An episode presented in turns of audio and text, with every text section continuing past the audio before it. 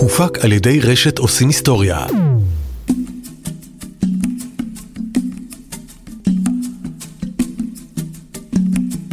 עושים את המוות, מוגש בחסות עלי שלכת.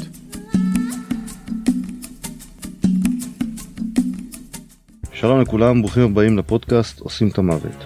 הפעם איתנו אסתי סגל, בעלת פודקאסט משלה שנקרא כנגד כל הסיכויים, תוכנית משלה בכאן 11, מגישת הרצאות. אסתי, ספרי קצת על עצמך.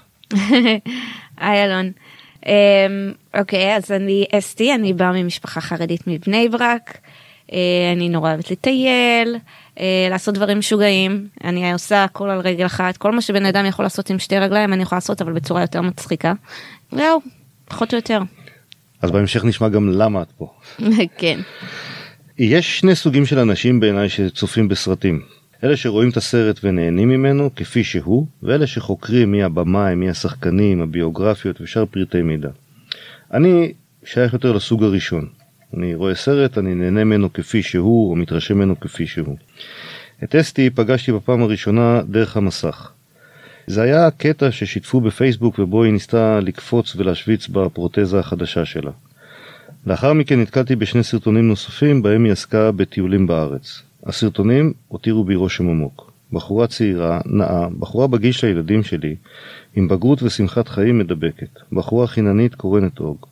מנגד, לאור לא מעט אנשים שאני מכיר, שחייהם נראים כנופת צופים. הם בריאים, הכל תקין במשפחה, מצבם פיננסי מעולה, אבל הם עדיין משתמשים או נזקקים לתרופות נגד דיכאון על מנת לעבור את היום. הרושם האישי שלי היה, הלוואי עליי כאלה כוחות. איזה השראה מדהימה. בפעם הראשונה שגיליתי שמאחורי השני ניסיונות לשים קץ לחייה, הייתי בשוק. לא האמנתי. זה לא התחבר לדמות שקל להתאהב בה דרך המסך, וככל שהתעמקתי בסיפור שלה, נפלתי למחילה של אליץ בארץ הפלאות. כל פעם נחשף עוד רובד ועוד שכבה של פרק בחיים מרתקים, כל פרק יותר מרתק בפני עצמו. ומאוד שמחתי שבאת לדבר איתנו על זה. וואי, איזה הקדמה, אני... וואו. אמ, אז התחלת ואמרת קודם. שנולדת במשפחה חרדית, נכון. ואני חייב להגיד למי שלא רואה אותך שאת לא נראית חרדית היום. לא, אני לא. ואת נולדת עם שתי רגליים, ואני חייב להגיד למי שלא רואה אותך ועוד לא הבין שאת לא. לא, אני לא. ומה קרה מאז שנולדת ועד עכשיו? אני נולדתי למשפחה של עשרה ילדים. אה, משפחה מבני ברק, משכונת ויז'ניץ, שזה חסידות מאוד חזקה. משפחה בכללי די סבבה, די רגיל. קצת היה חסר אהבה בבית, אבל נראה לי הרבה, הרבה אנשים יכולים להזדהות עם זה, זה לא מתכון לצרות. את בת בכורה? את בת קטנה? אני את באמצע? שלישית. שלישית. כן, והרגשות שלי הם נורא קיצוניים. אני, אם אני מרגישה משהו, אני מרגישה את זה עם כל החוזק של זה. אז אני חושבת שעצם זה שגדלתי שלא היה מאוד אהבה, גרם לי להרגיש כזה מאוד אבודה, ומה אני בכלל עושה פה בעולם הזה, ובגיל 13 כבר אמרתי אני רוצה למות, ו... רגע, רגע, רגע, רגע, בגיל 13 את אומרת לעצמך שאת רוצה למות? כן, הבית ספר שלנו היה על הבית קברות. שזה ממש לא חכם לשים בית ספר ילדים שמחים עניינים והכל על בית קברות. ואני הרבה פעמים הייתי רוצה כזה ללכת לא ליד כל הבנות כי לא הייתי נורא מקובלת שוקינג אה, אז הייתי הולכת דרך הבית קברות לבית ספר. ומתישהו עלה לי השאלה למה אני בכלל פה המשמעות של הכל. כאילו כבר בגיל הזה של 13? כן, ראיתי כאילו מה כולם עושים, מסיימים בית ספר, מסיימים סמינר שזה תיכון של חרדים. כשאת אומרת כולם עושים, העולם מושגים שלי הוא שונה. זאת אומרת, הילדים שלי, או הילדים של החברים שלי בגיל 13, חשופים לעולם. יש להם אינטרנט, יש להם טלוויזיה, יש להם הכל בנגישות. כן, בציבור החרדי אין, זה מאוד אז בועה. כשאת- כשאת מגיעה למסקנות האלה, את מגיעה למסקנות האלה מתוך עצמך, לא כן. מתוך חשיפה חיצונית. נכון, נכון. אה, אני אגיד שתמיד הצצתי קצת החוצה, אבל זה לא היה ברמה שאני יכולה לדעת מה קורה בחוץ, זה יותר אה, איזה מגניב נראה מכנסי ג'ינס, כזה. וכולן מתחתנות בגיל 18, מביאות ילדים, הילדים עוברים את אותו מסלול שוב ושוב ושוב. לא רציתי, אני, אני אוהבת להיות שונה, אני אוהבת להיות מיוחדת, לא סתם אין לי רגל. אה, ופשוט לא הרגשתי שאני מתאימה ל... לזרם הזה, שאני לא, לא, לא מתאים לי התוכנית שקבעו לי עוד לפני שנולדתי. מה עושה ילדה בת 13 שמרגישה ככה? אה, שיתפתי כמה חברות שאני רוצה למות, והם הלשינו עליי למורה. זה נגמר רע מאוד. ואז החלטתי, הגעתי למסקנה, אסור לי לשתף יותר ממה שאני מרגישה בפנים. אז נעלתי את זה עמוק בפנים, דחפתי את זה בפנים, וכל היומנים שלי היו נורא אפלים. אבל אף אחד לא יודע, כולם אמרו, אוי, היא חזרה לעצמה. אחרי תקופה גם התחלתי להתנדב עם ילדים אה, מיוחדים, אה, עם CP, אוטיסטים, תסמונת דאון. עשה לי ממש טוב למשך תקופה. עד שגילו שאני מתנדבת במקום שלא מאושר על ידי הסמינר, שזה תיכון חרדי. הילדים היו ילדים שהם לא שייכים למגזר לא, יש- החרדי, או, ש... או שזה עדיין... במגזר החרדי יש הרבה פוליטיקה בפנים. אז אני התנדבתי במקום שבית ספר אחר מתנדב עליו, חסידות אחרת. ולא רוצים לערבב, כן, אני יודעת, זה נשמע הזוי. אוקיי. וזה ילדים מיוחדים מכל, ה... מכל המגזר, זה לא משהו שספציפי. מכל הזרמים, מכל החסידויות, כן. לא מחסידות ספציפית. כן. ועדיין רק בית ספר אחד, כאילו, במרכאות. רשאי להתנדב כן. שם. אני התחלתי להתנדב וממש גם פרחתי שם, פתאום התחלתי ממש לנהל, הייתי בת 15, ניהלתי הסעות ו- והפעלות ואוכל והלבשתי ילדים, ואם הפיליפינית לא הייתה מגיעה, אני הייתי ממלאת את המקום שלה והייתי מחתלת ילדים גדולים והייתי ממש ניהלתי את הכל, אה, אבל זה נתן לי טעם, זה נתן לי טעם לחיים. היה גם איזה ילד אוטיסט שנורא נורא נורא התחברתי אליו וזה הגיע לאוזניים של היועצת של הסמינר והרחיקו אותי משם. ואז חזרתי לתוך המערבולת הזאת של ה... חזר לי כל המחשבות, כל היומנים האפלים, כל הציורים, יואו. אני רואה את זה לפעמים ואני כזה, דמת ילדה, מה עובר עלייך? מה זאת אומרת, הייתי יושבת לבד באיזושהי פינה, אני, אני מנסה לדמיין בית האמת היא נורמטיבי שנשרתי. שהוא לא יותר מדי גדול, שיש בו עוד uh, תשעה אחים ואחיות ועוד שני הורים ועוד חברים שמגיעים. איפה יש uh, פינה וואי. שאת יכולה בכלל לשבת בה בשקט ולכתוב uh, יומן נשרתי. ולהחביא אותו ולצייר? נשרתי מהבית ספר, זה היה בכיתה י'. לא היה לי פרטיות, הייתי, ב... יש חדר בנות, אני הייתי במיטה האמצעית אפילו, ולא הייתי יוצאת. כאילו חדר צפוף, אין מקום, ואני עוד במיטה האמצעית שצריך לסגור אותה בבוקר כדי שיוכלו לעבור מצד לצד. אה, והיה לי מדף בארון, בגובה שלי, ופשוט הייתי מכניסה את הראש לשם וכותבת, ככה. כאילו זה היה נראה שאני נפלטתי מהארון. לקח זמן עד שיצאתי מהארון. כמה ארונות יצאתי בחיים.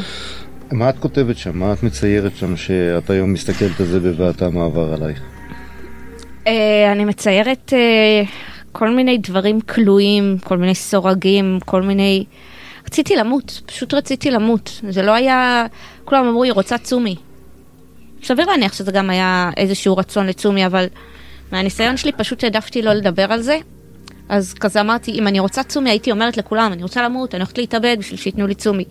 אבל לא דיברתי על זה, פשוט ראו כלפי חוץ את הדיכאון, ראו ש... שאין לי, לי שום רצון לעשות כלום, שאני לא רוצה לצאת מהמיטה, שאני לא אוכלת, שאני לא חיה חיים. אה, אבל את התוכניות להתאבדויות לא, לא דיברתי על זה עם אף אחד, אמרתי יום אחד, אחר, יום אחרי שאני אמות, רוצה יגידו, אה, ל- היא דיברה אמת. אני רוצה רגע לשים על זה את הזרקור, כי אני שומע, ולא בטוח שאני שומע ומבין. את בגיל 15 כבר חושבת על להתאבד. כן. כן. ההורים שלי לקחו אותי לאיזו עובדת סוציאלית, וישבתי ביחד עם אבא ואמא אצל עובדת הסוציאלית, והעובדת אומרת להורים שלי, תקשיבו, זה לא צחוק, זה לא הצגה. ואז אבא שלי, אבא שלי עשה הרבה טעויות, אני, אני אומרת את זה מראש, שהוא למד מהטעויות שלו, והיום הוא בן אדם אחר לגמרי. אבל אז הוא אומר, והוא אומר לה, תקשיבי, היא עושה את זה בשביל צומי, היא רוצה תשומת לב, היא גדלה בבית עם הרבה ילדים, והיא לא יודעת איך לקבל את התשומת לב, אז היא עושה את זה בצורה הזאת. ואז אמרתי לעובדת סוציאלית, "אה, אני יכולה לצאת רגע לשירותים? אמרתי לי, כן, יצאתי וברחתי משם. אם זה היה רק ההורים שלי, הם היו מחכים פשוט שאני אחזור הביתה, אבל בגלל העובדת סוציאלית, קראו למשטרה, המשטרה עשתה חיפושים עליי, אה, אני באיזשהו שלב נשברתי וחזרתי הביתה, כי היה לי חברה ממש ממש טובה שעמדה להתחתן, אמרתי, אני לא מתאבדת לפני החתונה שלה. אה, אבל אז אשפזו אותי, אשפזו אותי בגאה, וואו, כן, כמה זמן? עשרה שבועות. וואו, זו תקופה שנראית נצח בגיל הזה בערך. וואי, ממש, כאילו, גם באתי מעולם כל כך סגור, בבית חולים פסיכיאטרי יש רמות. הרמה הראשונה היא הסתכלות, שזה אומר, ישנים עם דלת פתוחה, לובשים פיג'מה, לא יוצאים מהאזור המשותף וכו'. ולא הסכימו לי לשים חצאית מעל הפיג'מה, שזה חולצה ומכנסיים. וגם רציתי לסגור את הפתח הגדול, כי זה לא היה צנוע בצוואר, היה כזה חשוף. רציתי לשים אה, סיכה, סיכת ביטחון, ולא הסכימו. ו- ואז פתאום גיליתי עולם שלם של פגיעות אה, פיזיות שאפשר לעשות. היו שואלים אותי, את חותכת את עצמך? ואני עושה כזה לא, ובראש שלי אני אומרת, וואלה זה רעיון.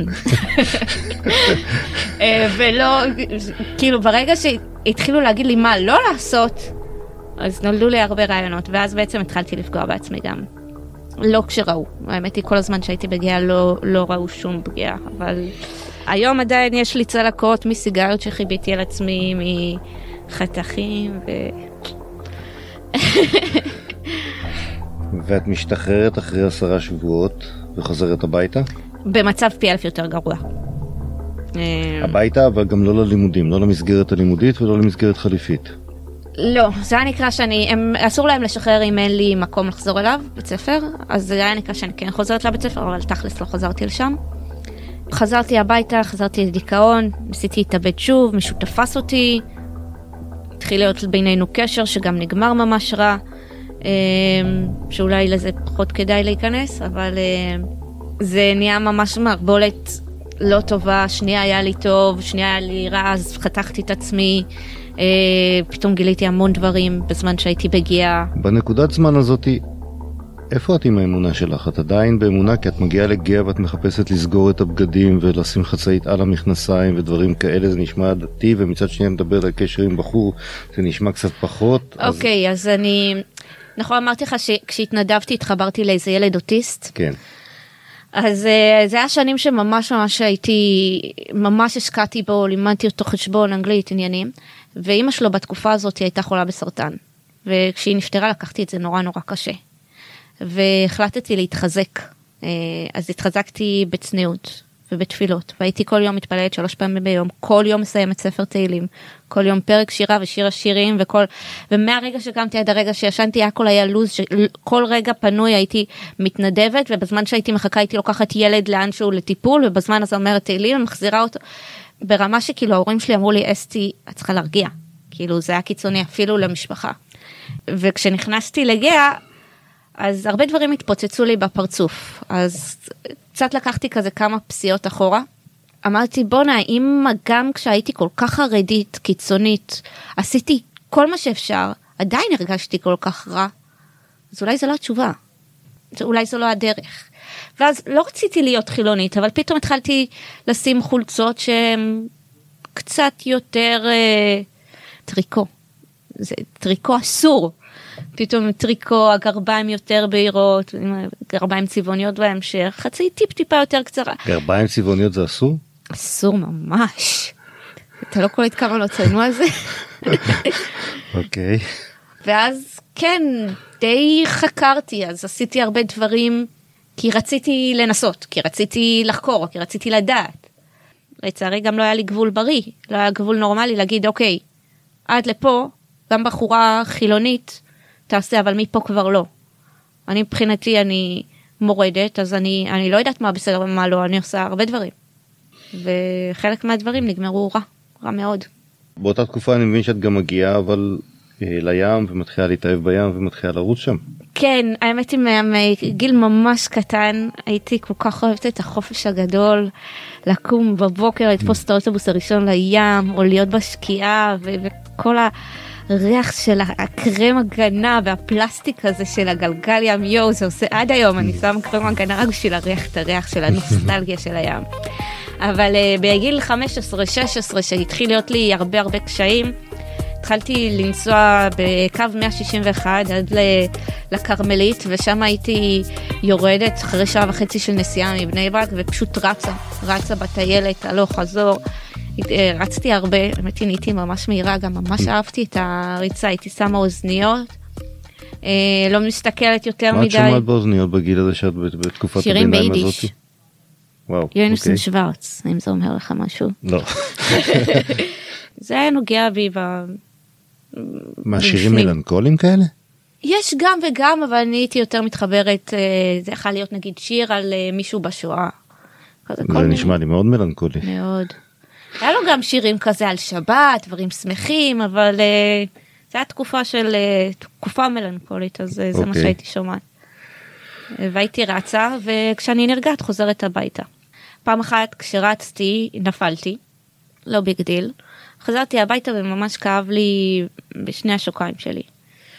בזמן הזה הייתי בקשר עם הבן אדם הזה שהציל אותי מ- מלהתאבד, והוא היה בן אדם בעייתי מאוד, אבל גם חולה, והוא אמר לי, את סתם מתלוננת על כאבים, תראי אותי, אני חולה לב, אני חולה לחץ דם, את סתם אה, זה. אז במשך הרבה זמן, כאב לי מאוד, אבל התעלמנו מזה. אה, התחלתי לצלוע וקצת צחקו עליי. כל הזמן אמר לי, מה את משחקת אותנו? את מקבלת מספיק תשומת לב, ואני הקשבתי לו. אה, אבל עם הזמן הכאב ברגל ימין עבר לגמרי, והכאב ברגל שמאל ממש ממש התחזק, זה ממש הרגיש כאילו הכאב עובר מרגל אחת לשנייה. ואז יום אחד קמתי בבוקר והיה לי גוש ממש בולט החוצה, מתחת לברך היה לי עוד ברך. הראיתי לאימא שלי, אימא שלי אומרת כן, אולי כדאי לעשות לזה רנטגן, אני ידעתי שזה סרטן.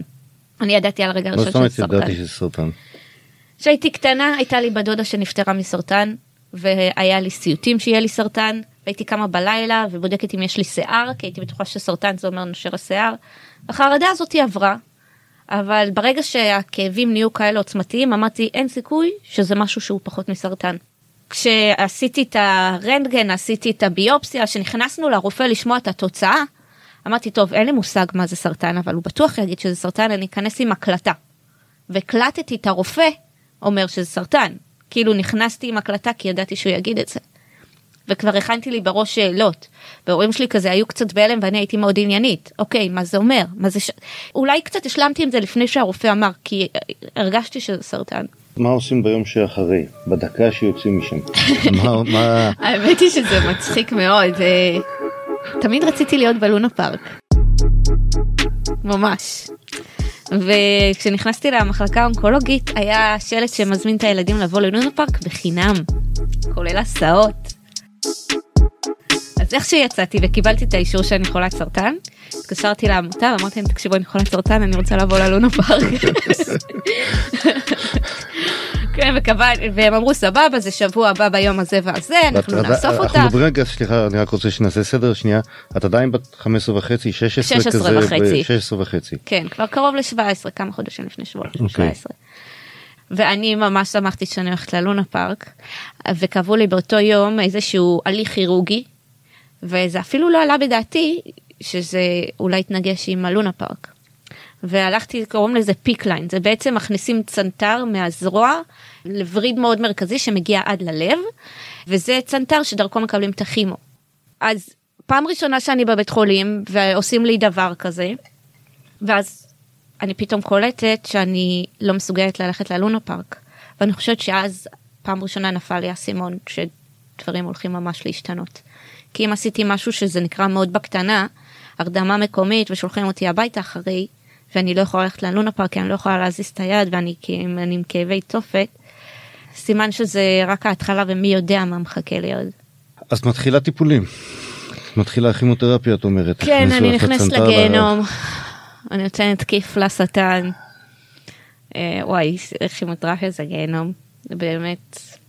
אחרי הטיפול הראשון, זה היה ערב ראש השנה, חזרתי הביתה, לא הצלחתי לזוז, הייתי אחרי ביופסיה ברגל, לא הצלחתי אז להסתכל, לא הצלחתי לקפל את הרגל, הייתי עם כיסא גלגלים עם, uh, בבית, עם רגל אחת ישרה בשביל הרגל השמאלית שלא הצלחתי להזיז אותה, לא הצלחתי לאכול, לא הצלחתי לעשות כלום. זה היה ראש השנה ופה ושם דחפו לי איזה משהו קטן לפה ובאיזשהו שלב גם מתחיל פצעים מהפה עד לקיבה. אה, זה המצב הטוב יש כאלה שיש להם עוד ממשיך הלאה. לא הצלחתי ממש לאכול ואז זה היה בין היום הראשון לשני של ראש השנה אה, הגברים הולכים לבית כנסת ואני אומרת מישהו יכול לעזור ללכת לשירותים לוקחים אותי לשירותים עם הכיסא גלגלים. ואז אה, אחרי זמן שלא שומעים כלום, כזה דופקים על הדלת אסתי אסתי הכל בסדר, ושהם מבינים שאני לא עונה, פותחים, רואים אותי יושבת על האסלה, אבל הראש שלי אה, נפול הצידה לתוך האמבטיה שהיא ממש צמודה לאסלה. אה, מבינים שהתעלפתי, אמא שלי ישר מרימה לי את התחתונים, כי פתאום מגיעים אנשים הביתה, קוראים מהר להצלה. וממש איבדתי את ההכרה, לא מצליחים להעיר אותי, רוצים להזמין נתן. אה, בזמן הזה קוראים לאבא שלי מהבית כנסת, שייסע איתי לבית חולים. ואבא שלי עושה קידוש, והוא אומר, זה חג, אסור להיות עצובים בחג, תמשיכו את הסעודה, אני אעשה לכם קידוש, אני אסע איתה לבית חולים. ואז אני מתעוררת בדיוק כשהוא מסיים את הברכה, ואני כזה עונה אמן. אז כזה הפרמדיקים נושמים, אה, היא בסדר, היא בסדר. אה, אבל ממש החוסר אונים הזה, מאז התעלפתי מלא פעמים, גם בטיפולים, גם לא בטיפולים, אבל חוסר אונים שאני רואה שהכל מסתובב סביבי נהיה שחור ואין לי כוח אפילו לקרוא למישהו, זו תחושה נוראית. כמה, זמן, כמה טיפולים? כמה זמן זה נמשך? היה לי 18 טיפולים. זה היה... 18 כן. טיפולים? וואו. שישה טיפולים ראשונים לפני שהוציאו את הגידול, בעצם הופכים את הגידול הסרטני לנמק. ואז יש ניתוח אחד מאוד רציני, שהיה בו גם הרבה פאשלות, אז מהנקודה הזאת הגיעו כאבי תופת שלא עזבו איזה שמונה שנים. בעצם מה שעושים בניתוח זה פותחים את הברך, מוצאים, פותחים את הרגל, מוציאים את הברך, שמים במקום זה משתל פלטינום. בזמן הזה פגעו לי בעצבים. לא בכוונה, אבל זה קצת אה, התרשלות כזאת. ואחרי זה בודקים בפתולוגיה כמה אחוזי נמק יש בעצם. Uh, המצב שלי היה מעולה, זה היה 99 אחוז, שזה אומר רק עוד 12 טיפולים. אם זה היה פחות מ-85 זה יכול להיות עוד 22 טיפולים. פרוטוקולים. גם הייתי צריכה לקבל זריקות, לא הייתי מוכנה שאף אחד יזריק לי חוץ ממני, ובכללי אני הייתי מטפלת בעצמי, אני הוצאתי לעצמי תפרים, סיכות, יש קטע סאדו. אוקיי. אז אה, כל, ה, כל התקופות האלה אני הזרקתי לעצמי כל כל מיני דברים, הספירה יורדת, אני כזה חושבת אוקיי מ-38.2 חייבים לעוף לבית חולים. כמה אני יכולה לשחק איתם? כמה אני יכולה? 38 וחצי זה כבר גרוע מספיק אני יכולה למשוך עוד קצת. אבל זה בגדול זה שנה של הון ועוף בבית חולים. המשפחה שלך לצידך. משפחה שלי מדהימים. אה, האמת היא שהקשר שלי עם אמא שלי קצת יותר התקרב כשנכנסתי לגאה. אה, אני זוכרת שביום הראשון שהייתי בגאה היא נתנה לי נשיקה. חשבתי לעצמי בואנה רק בשביל זה היה שווה להתאשפז. אבל מאז באמת הרגשתי יותר קרובה אליה. אה, אבא שלי בזמן הטיפולים הוא היה היחיד שיכל לישון איתי. ואני הייתי מעירה אותו כל לילה שהוא נוחר וזורקת עליו דברים והיה שם איזה bonding. אה, אבל אני רוצה להזכיר הדיסוננס שאני שאני ממש אוהב אותו אה, ואני חושב שלא כולם מודעים זה שבעצם המשפחה שלך היא נשארה חרדית עד היום ואת כבר בתקופה כן. הזאתי ממש לא. אני מבינה שזה הזמן שלי לנצל שלא יגידו לי כלום.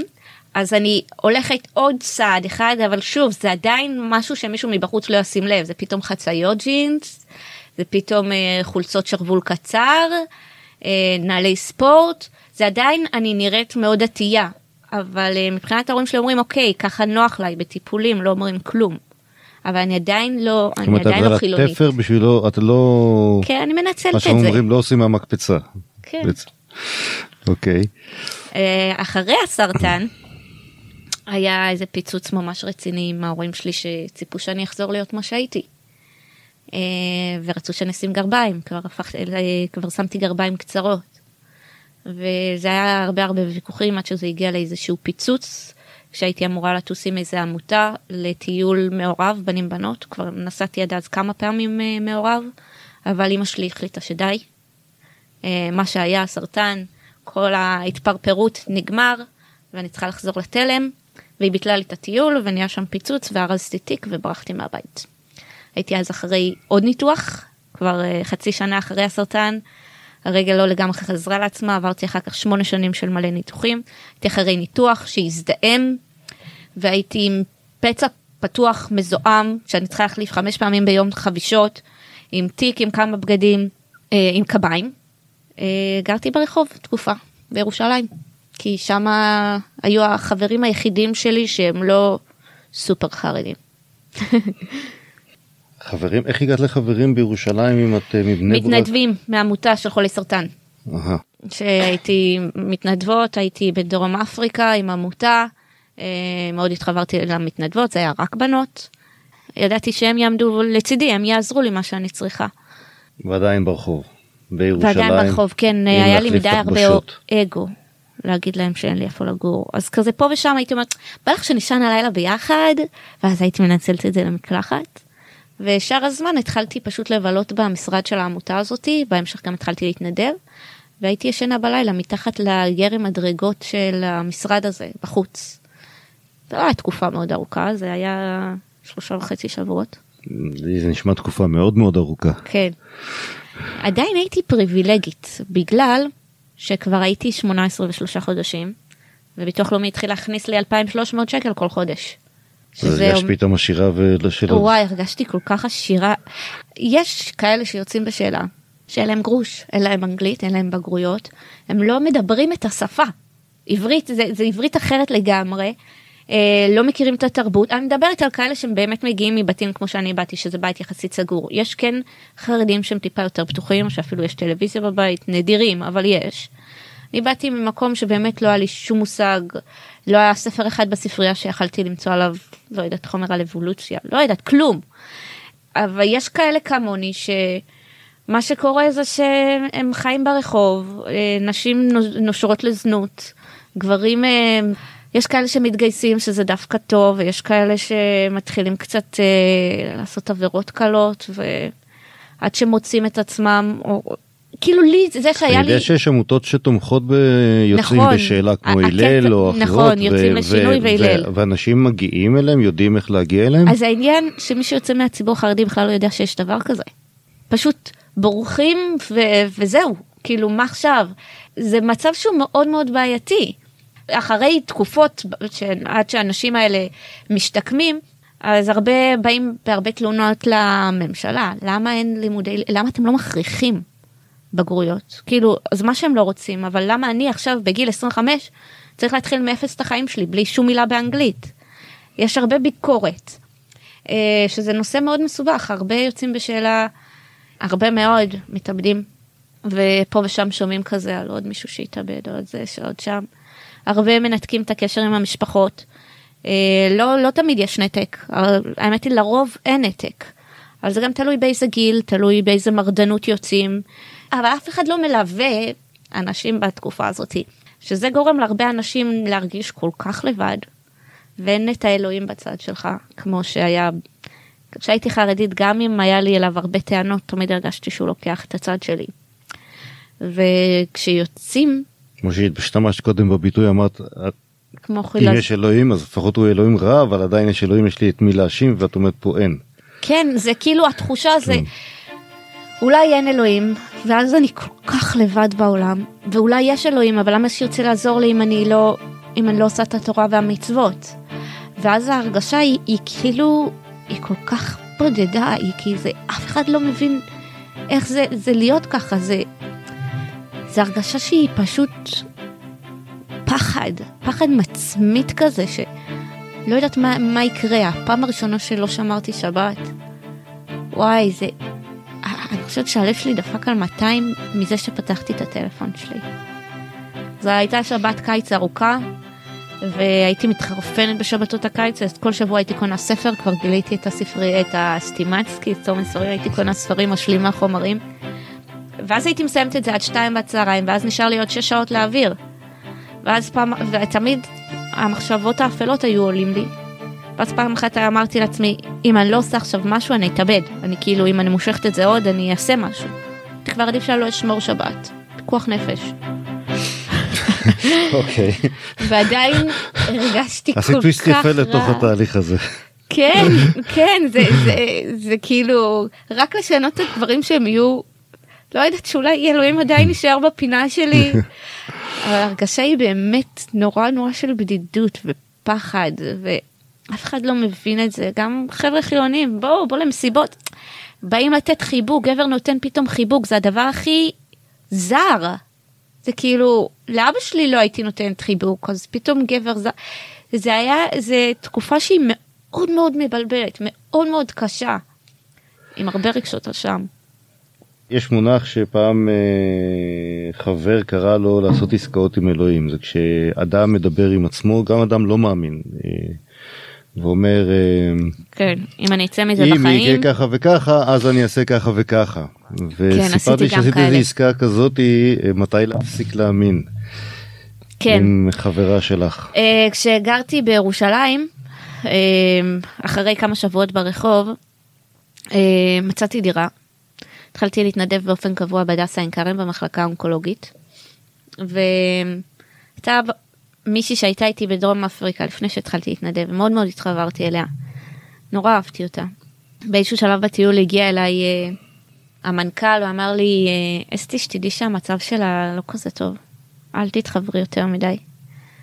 וכאילו מבחינתי מה זה דיבר שטויות לא יודעת למה כזה אמרתי לא דווקא אני החברה שלה.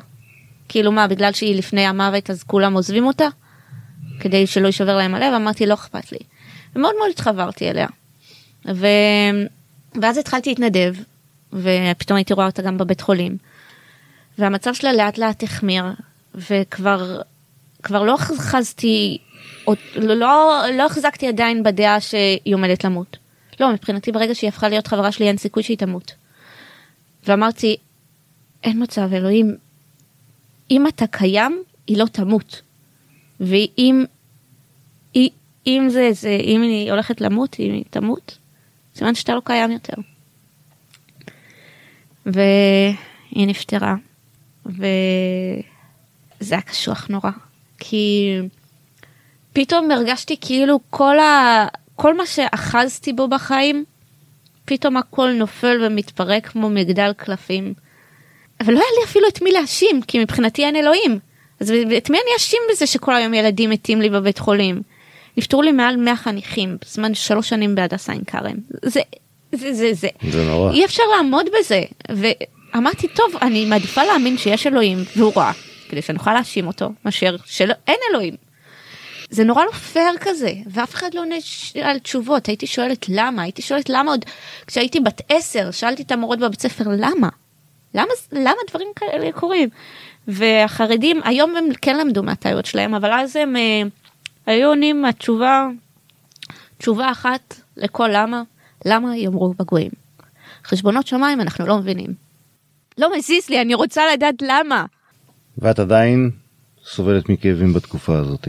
כן, זאת אומרת, גם פיזיים, לא רק המצב עכשיו שאת uh, ליווית חניכים uh, ויש מוות סביבך כל הזמן ואת נמצאת במקום אפל מאוד. שמכיל מוות מכל כיוון בצורה שאי אפשר לראות את השמש זורחת אפילו. אני לא יכול לדמיין מצב כזה. האמת שכן בהתחלה השתפר המצב שלי שעברתי לירושלים, הש- השלמתי בגרויות, עשיתי פסיכומטרי, הוצאתי ציון ממש טוב, אה, התנדבתי כל יום והתחלתי לפזול אה, לעולם. הייתי עם קביים, אה, פעם בשנה בערך עברתי איזה ניתוח רציני וניתוח קצת יותר קל, אה, היה לי הרבה כאבים. וכולם הכירו אותי בבית חולים ברגע ששומעים את הקביים מרחוק יודעים שאני מגיעה אני תמיד יושבת עם ילדים מתבכיינים ביחד על הכאבים אני עם איזה סוכריית מורפיום בתוך הפה. וככה העברתי את הזמן ואחרי שלוש שנים בירושלים היה איזה ניתוח אה, די רציני אה, והחלטתי לחזור לבני ברק. שאז גם המצב נהיה ממש אפל. עליתי במשככי כאבים בטירוף ועדיין מה שהפסקתי להתנדב נפטרו שתי חניכות שלי שהייתי נורא נורא קרובה אליהם בהפרש של יומיים. לא עמדתי בזה ואמרתי טוב אני צריכה צריכה להירגע קצת חזרתי לבני ברק הפסקתי להתנדב ומדי פעם הייתי טסה לחו"ל כאילו הייתי עם הקביים עם הכמויות מורפיום והטיול הראשון שעשיתי לבד היה ליוון לארבעה ימים ואז לאיטליה לשבוע. ומפה לשם לחצי שנה לדרום אמריקה. וואו. כזה לאט לאט. אה, תמיד היה לי את הסרט איך אני מקבלת עוד משככי כאבים באמצע הטיול. זה תמיד היה די מסובך אני זוכרת שהייתי בקולומביה ונגמר להם משככי כאבים והיה לי תסמיני גמילה מטורפים והתחרפנתי ועמד, ורציתי להתאבד. ודיברתי עם אמא שלי ואמא שלי אומרת לי את בקולומביה יש כל כך הרבה סמים. אז מצאתי קוק. כן. אמא שלי כזאת תמימה אני כל כך אוהבת אותה יש לה כזה לא יודעת. אבל זה היה די אה, רכבת הרים כזאת. עד שלפני שלוש שנים עוד מהפך קרה בחיים שלי כי זה לא מספיק.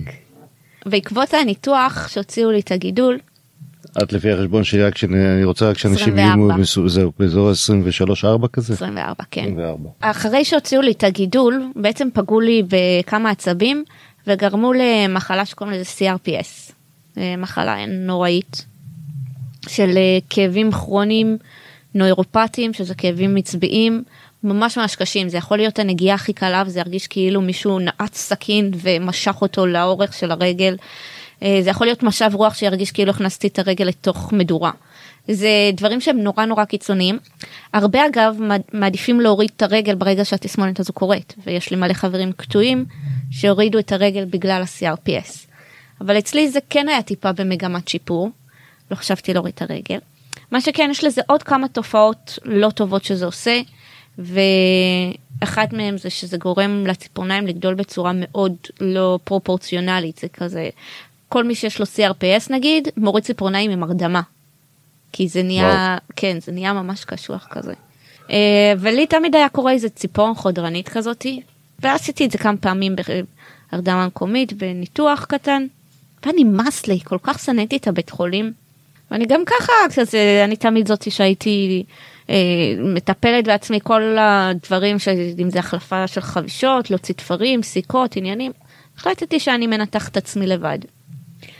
אה, ואז כל כמה חודשים כשזה היה קורה הייתי עושה את הניתוחון הזה. ואז אה, חברה ממש ממש טובה שלי התחתנה ויום לפני זה אני בודדת את השמלה נכנסת לעקבים ואני מכניסה את הרגל לעקבים אח אח אח אח אח אח מוציאה אני רואה עוד פעם קרה את אותו דבר. אז אה, שוב ניתחתי את עצמי אבל הפעם לא הייתי נורא סטרילית. ומה שקרה זה כשיש גוף זר בתוך הגוף הוא נוטה לתפוס זיהומים מאוד מהר. וזה קרה ברגל שלא היה לי ברך היה לי שם משתל פלטינום. והניתוח הזה שלא הייתי מאוד סטרילית בעצם גרם לזיהום במשתל. קמתי בחמש לפנות בוקר עם כאבי תופת, ישר תקעתי סוכריית מורפיום בפה, ואחרי חמש דקות עוד סוכריית מורפיום, ואני מגלגלת זה, מגלגלים את זה כזה על הלחי, כי זה מוציא את, ה... מוציא את החומר שלו ישר למערכת העצבים. ואני מגלגלת את שתיהם ואני פשוט עם כאבי תופת והרגל נפוחה זה אמור. להשפיע מהר ואת אומרת זה לא משפיע. לא משפיע, אני ממש...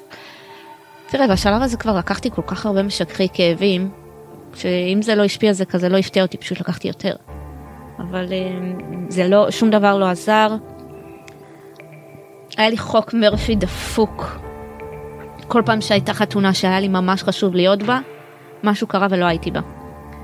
והחתונה הזו לא היה שום דבר שיכל למנוע ממני להגיע לשם. התכוננתי לזה, עשיתי לה כל מיני פרופס כאלה, קשקושים להצטלם ולעלות לאינסטגרם, ועשיתי כזה דיאטה כי הייתה שמלה והיה חסר לי טיפ טיפה בשביל לסגור את האורסן, משהו בקטנה, אמרתי יאללה בא לי את השמלה הזאתי.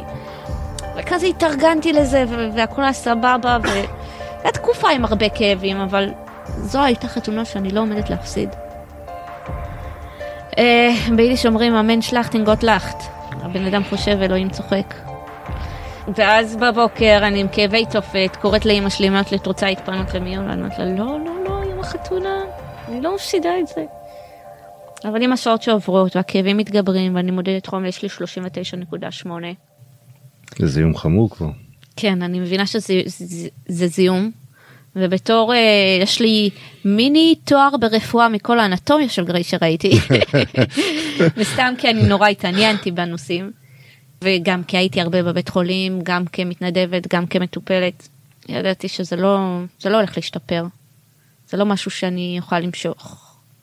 אז אמרתי, טוב, אני אגיע לבית חולים, ייתנו לי אופטלגין בווריד, חשבתי לעצמי, ואני אחזור הביתה, אלך לחתונה. את החתונה העברתי בהזיות בבית חולים עם כמויות של מורפיום בווריד שפעם בכמה זמן אני קמה וקולטת שאני מפסידה את החתונה ואני מבקשת עוד מורפיום כדי לישון ולא באמת לקלוט את זה שאני לא נמצאת בחתונה. אה, ואז אה, המשכתי להיות ככה מאושפזת עם הזיהום. עשו לי ניתוח, ניסו לנקות את הזיהום, זה לא עבד. ואז אה, עשו ניתוח קצת יותר רציני, קוראים לזה התריה, פתחו את כל הצלקת, היה צלקת שקראנו לזה ריצ'ראץ', כי זה כל פעם שעשו ניתוח פתחו את אותו צלקת. אז כבר הצלקת הזו זה כבר היה ריצ'ראץ'. מסביב לשתל בברך המלאכותית. כן. אז הרופא שואל אותי, אסתי, את רוצה סיכות או תפרים? כי הוא יודע שאני אוציא את זה. ואני כזה, יואו, ממש קשה לי להחליט. יש מצב גם וגם? אז הוא אומר לי, כן. ואז אה, הוצאתי, אחרי שעובר הזמן, הוצאתי את התפרים, לא נראה טוב, הרופאים נכנסים אליי ואומרים לי, "אסתי, תקשיבי, ניסינו לעשות מה שאפשר, יש לך שתי אופציות. אופציה ראשונה, זה לנסות לשקם את הרגל. זה אומר לפתוח שוב את הרגל, להוציא את המשתל, לשים משתל זמני, לקחת שתל אור מהרגל השנייה, לסגור, לשים שם אנטיביוטיקה, להיות ככה כמה חודשים עם משתל שלא מתקפל, רגל ישרה, ואחרי כמה חודשים שוב פעם לפתוח, להוציא את המשתל הזמני הישר, לשים משתל, אה, משתל קבוע, אנחנו מעדיפים שישר, אבל אם נורא תתעקשי אפשר גם מתקפל, לסגור, ובמקרה הכי הכי הכי טוב, את תגיד לאיכות חיים שהייתה לך קודם. עכשיו עשיתי את זה בעבר, חוץ מהשתל אור. עשיתי את זה בעבר והמשתל הזמני נשבר לי בתוך הרגל וזה הסיוט. זה הסיוט, להיות עם רגל ישרה זה על הפנים. אופציה שנייה זה להוריד את הרגל. וואו. כן, את ממש. מחייכת אבל אני מרגיש שהגוף שלי מתכווץ כאילו כשאני מדמיין את ה- כן. האמירה הזאת. אני לא מרגיש אה, את החיוך כמו שאת מצליחה להוציא. אני אז אמרתי טוב, סבבה, תנו לי לחשוב על זה. פשוט כזה, כאילו העברתי דף כאילו לא היה פה איזשהו סיפור ואמרתי, טוב למישהו בא ופל בלגי.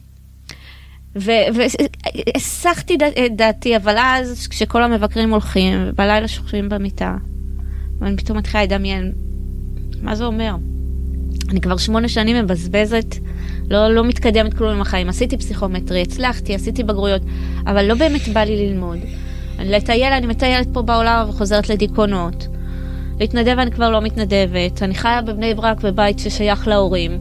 אה, לא בבית של ההורים, אבל במחסן כזה ששייך להורים.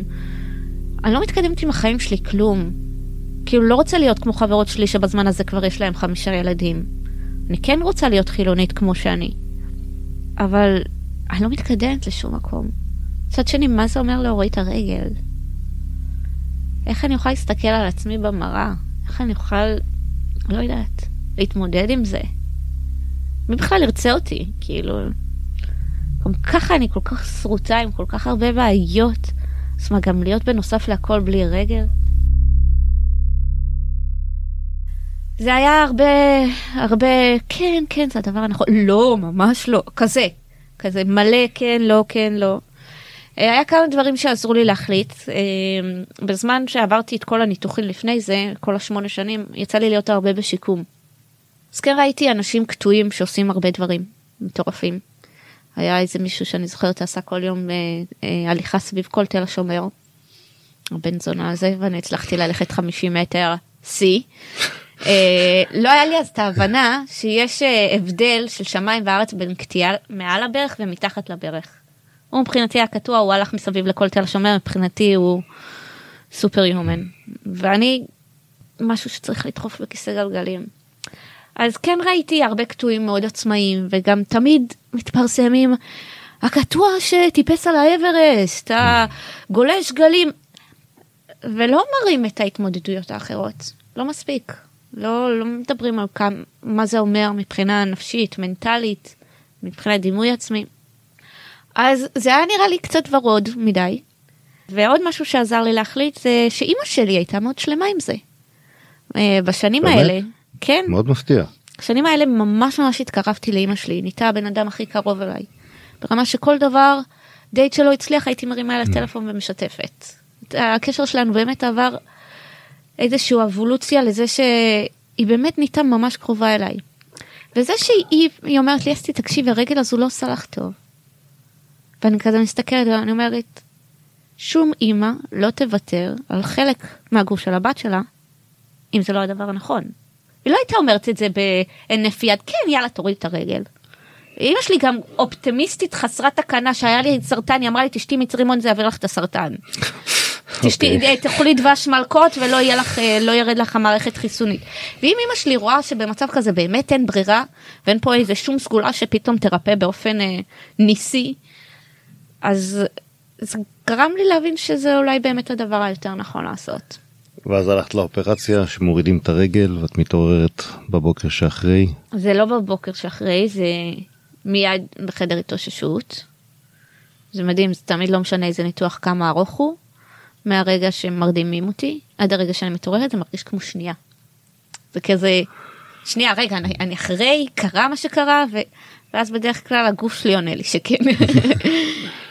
אני חושבת שזה יומיים, לא יום וחצי, לא הרמתי את השמיכה. לא רציתי להסתכל. ידעתי שאין לי רגל, אבל אה, לא רציתי להסתכל, ואז אה, יו- יום וחצי כזה אחרי באו לבדוק את ה... להוריד את החבישה. אני חושבת שהרבצתי לרופא. אני רק זוכרת שצרחתי ובכיתי ופעם ראשונה ראיתי את הגדם שלי. הוא היה נראה קצת כמו כריש. כל הסיכות היו נראים כמו שיניים. לפחות הדמיון ממשיך לעבוד. כן. בזמן הזה כאן עשו עליי סדרה תיעודית ורואים שם את כל התהליך אפשר לראות את זה ביוטיוב ובגלל שהייתי כל כך כל כך מסוממת ברמות באמת. אני חושבת שזרם לי יותר מורפיום בווריד מאשר דם. לא הרגשתי בכלל שיש מצלמה בחדר לא הזיז לי אני הייתי מי שאני הכי אותנטית הכי בא לי לבכות אני בוכה. ואז אה, הכרתי את איתי אשר שהוא במאי מדהים ואשתו נפטרה מסרטן אז הרגשתי שהוא הוא לא בא לקבל צהוב. הוא באמת בא להראות את הצד האמיתי, לראות מה קורה, לתעד, להראות. וכן, פשוט הייתי שם, בכיתי כשכאב לי, הוא אמר לי "ת- תגידי ככה, ואמרתי לו אתה לא תגיד לי מה להגיד. הייתי באמת במצב כזה שכל נגיעה באגו, ברגשות, ישר הייתי מתפרצת, בוכה, מתעצבנת. זה תופעה של אה, סמים, כאילו הייתי ברמה כל כך... אני ממש מרחמת על המשפחה שלי, הם ממש סבלו, הם כאילו רק ניסו להיות רגישים. רק את צריכה עזרה, למה את מציעה לי עזרה? מה אתה חושב שאני לא יכולה לעשות את זה לבד? וכזה, למה אתה לא מציע לי עזרה? אתה לא רואה שקשה לי? כאילו אין דרך לפתור את זה. אה, וזה שהיה מצלמות זה כאילו מבחינתי עוד אורח, לא, לא הקדשתי לזה יותר מדי. כן קיבלתי אחר כך, שזה התחיל להתפרסם, המון המון המון תגובות, ופתאום קלטתי מה בעצם אני מראה פה. פעם ראשונה אני חושבת שהראו בטלוויזיה מישהו קטוע שהוא לא גיבור על, שהוא וואלה אנושי, שקשה לו, שהוא בוכה, שהוא עצבני, שהוא עצוב. אז מתחילה תהליך שיקום ותהליך תיעוד במקביל. כן, אה, התחלתי אה, לתעד גם בפרטי וגם זה, והרגשתי שאולי אני קצת חייבת את זה לקהל שלי, להשתקם, שזה כבר לא אני מול עצמי, שזה לא של אני יכולה פתאום להיעלם ואף אחד לא ידע. קיבלתי הרבה הודעות, הרבה התעניינות, שזה תקופה החזיק אותי. ואז אה, הגיע אליי איזה פילנטרופ, ואמר לי, התחיל להסביר לי את כל ההבדל של קטיעה מעל הברך ומתחת לברך. מה זה אומר? בעצם אצלנו בקהילה של הקטועים, אנחנו מאוד צוחקים על הקטיעות מתחת לברך, אנחנו אומרים שזה כמו שפעת. אין להם כבוד, אנחנו לא נותנים להם כבוד. ו- והוא הסביר לי מה ההבדל, שזה מעל הברך זה בעצם צריך פרוטזה שהיא גם עם ברך. והסביר את ההבדלים בין הברכיים, מה משרד הבריאות נותן, סוגריים פח, אה, ומה הוא נותן, העמותה נותנת, אה, שזה פרוטזה ממוחשבת, הרבה יותר בטיחותית, בלה בלה בלה, שווה רבע מיליון שקל. וואו. מה שמשרד הבריאות נותן שווה 30 אלף שקל. זה ההבדל. והעמותה מוכנה לתת לי את הפרוטזה הזאת. נשמע אבל וואו. כמובן יש אבל. תמיד יש קאץ', כן. הם רוצים שאני אלך למכון גמילה. זאת אומרת הוא כבר זיהה גם שאת אה, כולם זיהו. עם עודף. כולם זיהו, זה לא היה משהו שאפשר להסתיר. הייתי מאוד התנהגות מסוממת, נרקומנית כזאת. אז אמרתי, אני אנסה, אני רוצה לבד. אמר לי, לא, לא לבד. אמרתי, אוקיי, אני מוכנה ללכת למכון גמילה. אז הוא אומר לי, אוקיי, את רוצה בארץ או בחו"ל? כי כל התהליך של הפרוטזה שהעמותה נותנת זה בחו"ל. אמרתי, בואנה, בטח במכון גמילה בחו"ל יש מלא סלבים. אוקיי. ואני אלמד קצת עוד אנגלית, יהיה לי זמן, אנגלית מדוברת. אז אמרתי, אני רוצה חו"ל. טעות איומה, טעות איומה. בכל מקרה, מפה לשם טסתי לחו"ל. אה, הייתי במכון גמילה בפנסילבניה, שעה וחצי מפילדלפיה. הדבר הכי קרוב לשם זה האמיש, אין, אה, אי אפשר לברוח משם. לפחות התירס מתוק.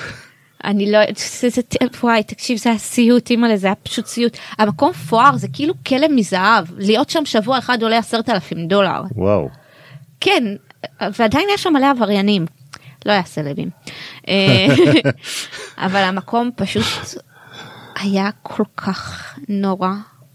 ההשפלות שעברתי שם גרמו לי לחזור לתחושות האלה של גיל 13, שאולי עדיף שאני לא ארגיש, אולי עדיף שאני לא אדבר על זה, אולי עדיף שאני אתנתק מהרגשות שלי.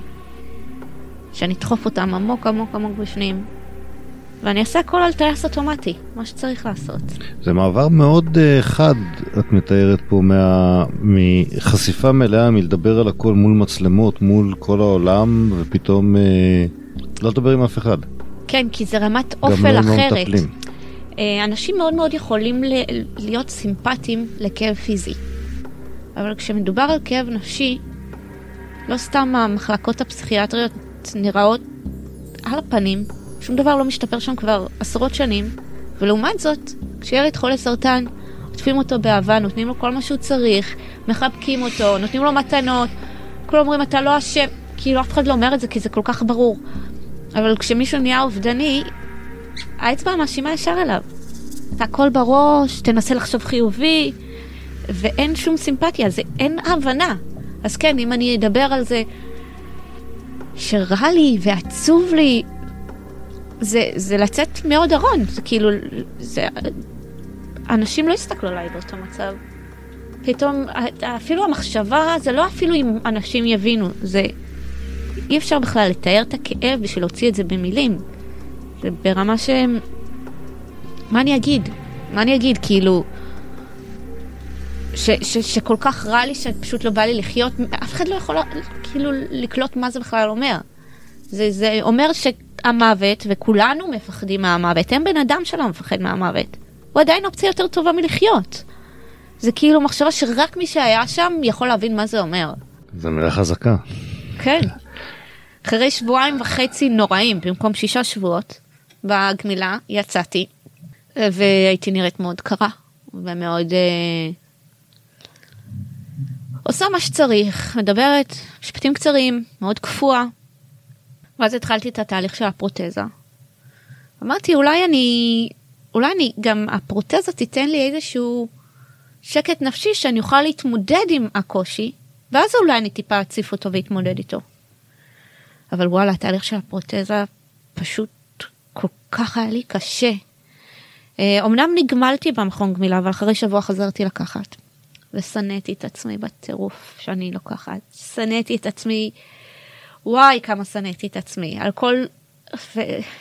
לא ידעתי מה כואב יותר, פשוט לא רציתי לחשוב, ורציתי להיות מסוממת ולא להיכנס ל... לעומק של הרגשות. והתחלתי את התהליך של הפרוטזה, שבהתחלה עוד ניסיתי להסתיר מהם שאני לוקחת, כי זה היה תנאי, ואז הם גילו, והיה איזה פיצוץ, ואני צרחתי על אנשים, ואני יצאתי מהכלים. וגם הפרוטזה עצמה היא כואבת, זה פשוט לדרוך על גדם, על מקום שהוא רגיש, מקום שהוא הוא לא עכשיו אה, ללכת עם קביים, זה פשוט לדרוך על זה ולעשות כל ההתאמות, ופתאום לעשות פיזיותרפיה. זה קשה נורא. זה התמודדות יומיומית, כל בוקר מחדש. זה לא כל יום הולכים למכון פרוטזות, זה איזה שלוש פעמים בשבוע, אבל אפילו בין לבין שמי, צריך לשים כל מיני דברים על הגדם בשביל להכין אותו למצב של הפרוטזה. ויש כזה סיליקון ששמים על הגדם, שכל כך חם איתו. זה היה באוגוסט ויולי, והייתי בארצות הברית, והייתה תקופה חמה, ופשוט, כולו הייתי צריכה ללכת עם זה שעתיים ביום. פשוט הייתי נוטפת, יושבת מול המזגן ונוטפת, ואומרת, ככה הולך להיראות החיים שלי? ואני אפילו, אני אפילו עוד לא בשלב שאני, אני בסדר, כאילו, אני אפילו עוד לא בשלב שאני הולכת. אני עוד לא התחלתי וזה, אני כבר סובלת. ואז אה, קיבלתי איזה דירה בפילדלפיה שהייתה קרובה יחסית למכון פרוטזות. זה היה בניין ממש יפה, אני הייתי בקומה 29. הרגשתי נורא חשובה לגור באמצע גורד שחקים כזה.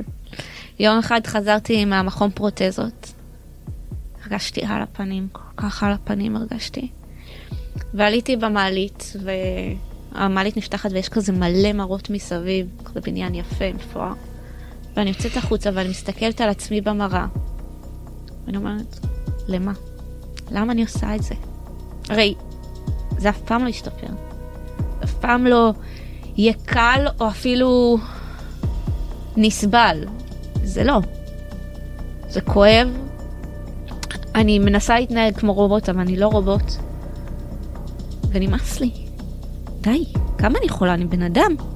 אני נכנסת לדירה, פותחת את החלון, אני מוציאה את הרגל הבריאה החוצה. אני מתיישבת על החלון ואני מסתכלת למטה, וזה גובה רציני של 29 קומות. ואני רוצה לקפוץ. ואני יושבת שם איזה שעתיים. בזמן הזה אני פותחת את הטלפון ואני עושה הסרטה, מכתב פרידה למשפחה. אני חושבת על דוד שלי, שעובד בזק"א, ועל הסיפורים שלו, על uh, מה היה צריך לעשות אחרי פיגועים, אחרי תאונות דרכים, ואני חושבת, אם אני עכשיו קופצת, הגוף שלי כנראה יתפרק למספר גורמים. ובגלל שאני יהודייה, זה לא שיאספו את זה בחפלה, יצטרכו ממש אה, לקלף את השאריות מוח שלי מהאספלט עם שפכטל, ואני מתחילה לדמיין איך אני חוזרת בכל כך הרבה שקיות אשפה. כי כל דבר יהיה ספוג במשהו אחר. אז בוא'נה, המשפחה שלי אפילו לא תוכל לזהות אותי, וזה לא מגיע להם, הם כל כך מדהימים. אני אומרת, בוא'נה, יש עוד דרכים למות.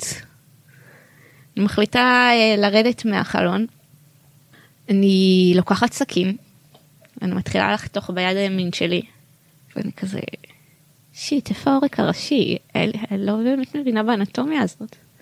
אני חותכת עוד חתך ועוד חתך, ואין את השפריץ, יש דם. אז אני הולכת להעתיק uh, תרופות שלי, טפטפת בזמן הזה בכל הבית, ופשוט מוציאה את כל הכדורים ששם, לא היה שם הרבה מורפיומים, כי לקחו לי הרוב, אבל היה שם מלא כדורי שינה, מלא כדורים אנטי דיכאוניים. לקחתי משהו כמו 50 כדורים. Uh, הלכתי לדלת הראשית, פתחתי אותה, נעלתי וסגרתי, כזה שזה סגור עם המנעול הפתוח שאפשר להיכנס חופשי. ואחרי איזה עשר דקות שאני מתחילה ממש ממש להתערפל, אני שולחת הודעה לבחור שליווה אותי שם, תקשיב עשיתי ככה וככה, אני אשמח לתרום את הקרניות שלי. הוא היה אמור להיות רחוק מפילדלפיה. אמרתי עד שהוא יחזור אני בטוח אאבד הכרה, אולי אני אצליח לתרום את הקרניות. וזהו, אני נשכבת על הרצפה, שותה קצת יין, ומחכה. אני חושב שפה כדאי שנשאיר טעם לעוד סיפור. כי אני חושב שסיימנו את הפרק. הייתי רוצה לשמוע את ההמשך. אנחנו יודעים את התוצאה הסופית, אבל כולם יודעים את לא התוצאה הסופית. ספוילר זאת אני שמדברת. זהו, הגיע עוד פרק לידי סיום. הסיפור לא, נש... לא הסתיים כמו שהבחנתם, אבל את הפרק השני אה, אתם תוכלו לשמוע בפודקאסט של אסתי כנגד כל הסיכויים. אז אסתי, קודם כל תודה ענקית. לא רק על הפתיחות והישירות, אלא באמת על האופטימיות החוזקות שאת מקרינה, גם עליי ואני מאמין שגם לכל מי שפוגש אותך. ואפשר לפגוש אותך הרבה בטלוויזיה ובהרצאות ובפודקאסטים, אז את השראה מדהימה וחיננית שאין לי מילים. אה, זה שוב הזמן להודות לעלי שלכת נותני החסות לפרק הזה. עלי שלכת הוא בית הלוויות העוסק בכלל השירותים בתחום דרכו האחרונה של אדם. עלי שלכת מטפלת בכל הקשור בתחום דרכו האחרונה של אדם, שרפת הגופות, קבורה בלב ים, מעמדי פרידה, שימור DNA ועוד שירותים נוספים. אתם מוזמנים כמובן להסדיר את הדברים מראש, אה, בין אם זה צוואות, טיפויי כוח מתמשך, ולהיכנס פשוט לדף הבית של עלי שלכת או לדף הפייסבוק שלנו ללמוד עוד על הנושא. עוד בקשה אישית לי אליכם, נהניתם, ספרו לחברים שלכם גם על הפודקאסט שלנו של עושים את המוות וגם על הפודקאסט של אסתי שנקרא כנגד כל הסיכויים. תודה נוספת לצוות עושים היסטוריה, איתמר סוויסה עורך התוכנית, רן לוי העורך הראשי ודני תימור המנהל העסקי. אני אלון נתיב ונתראה בפרק הבא.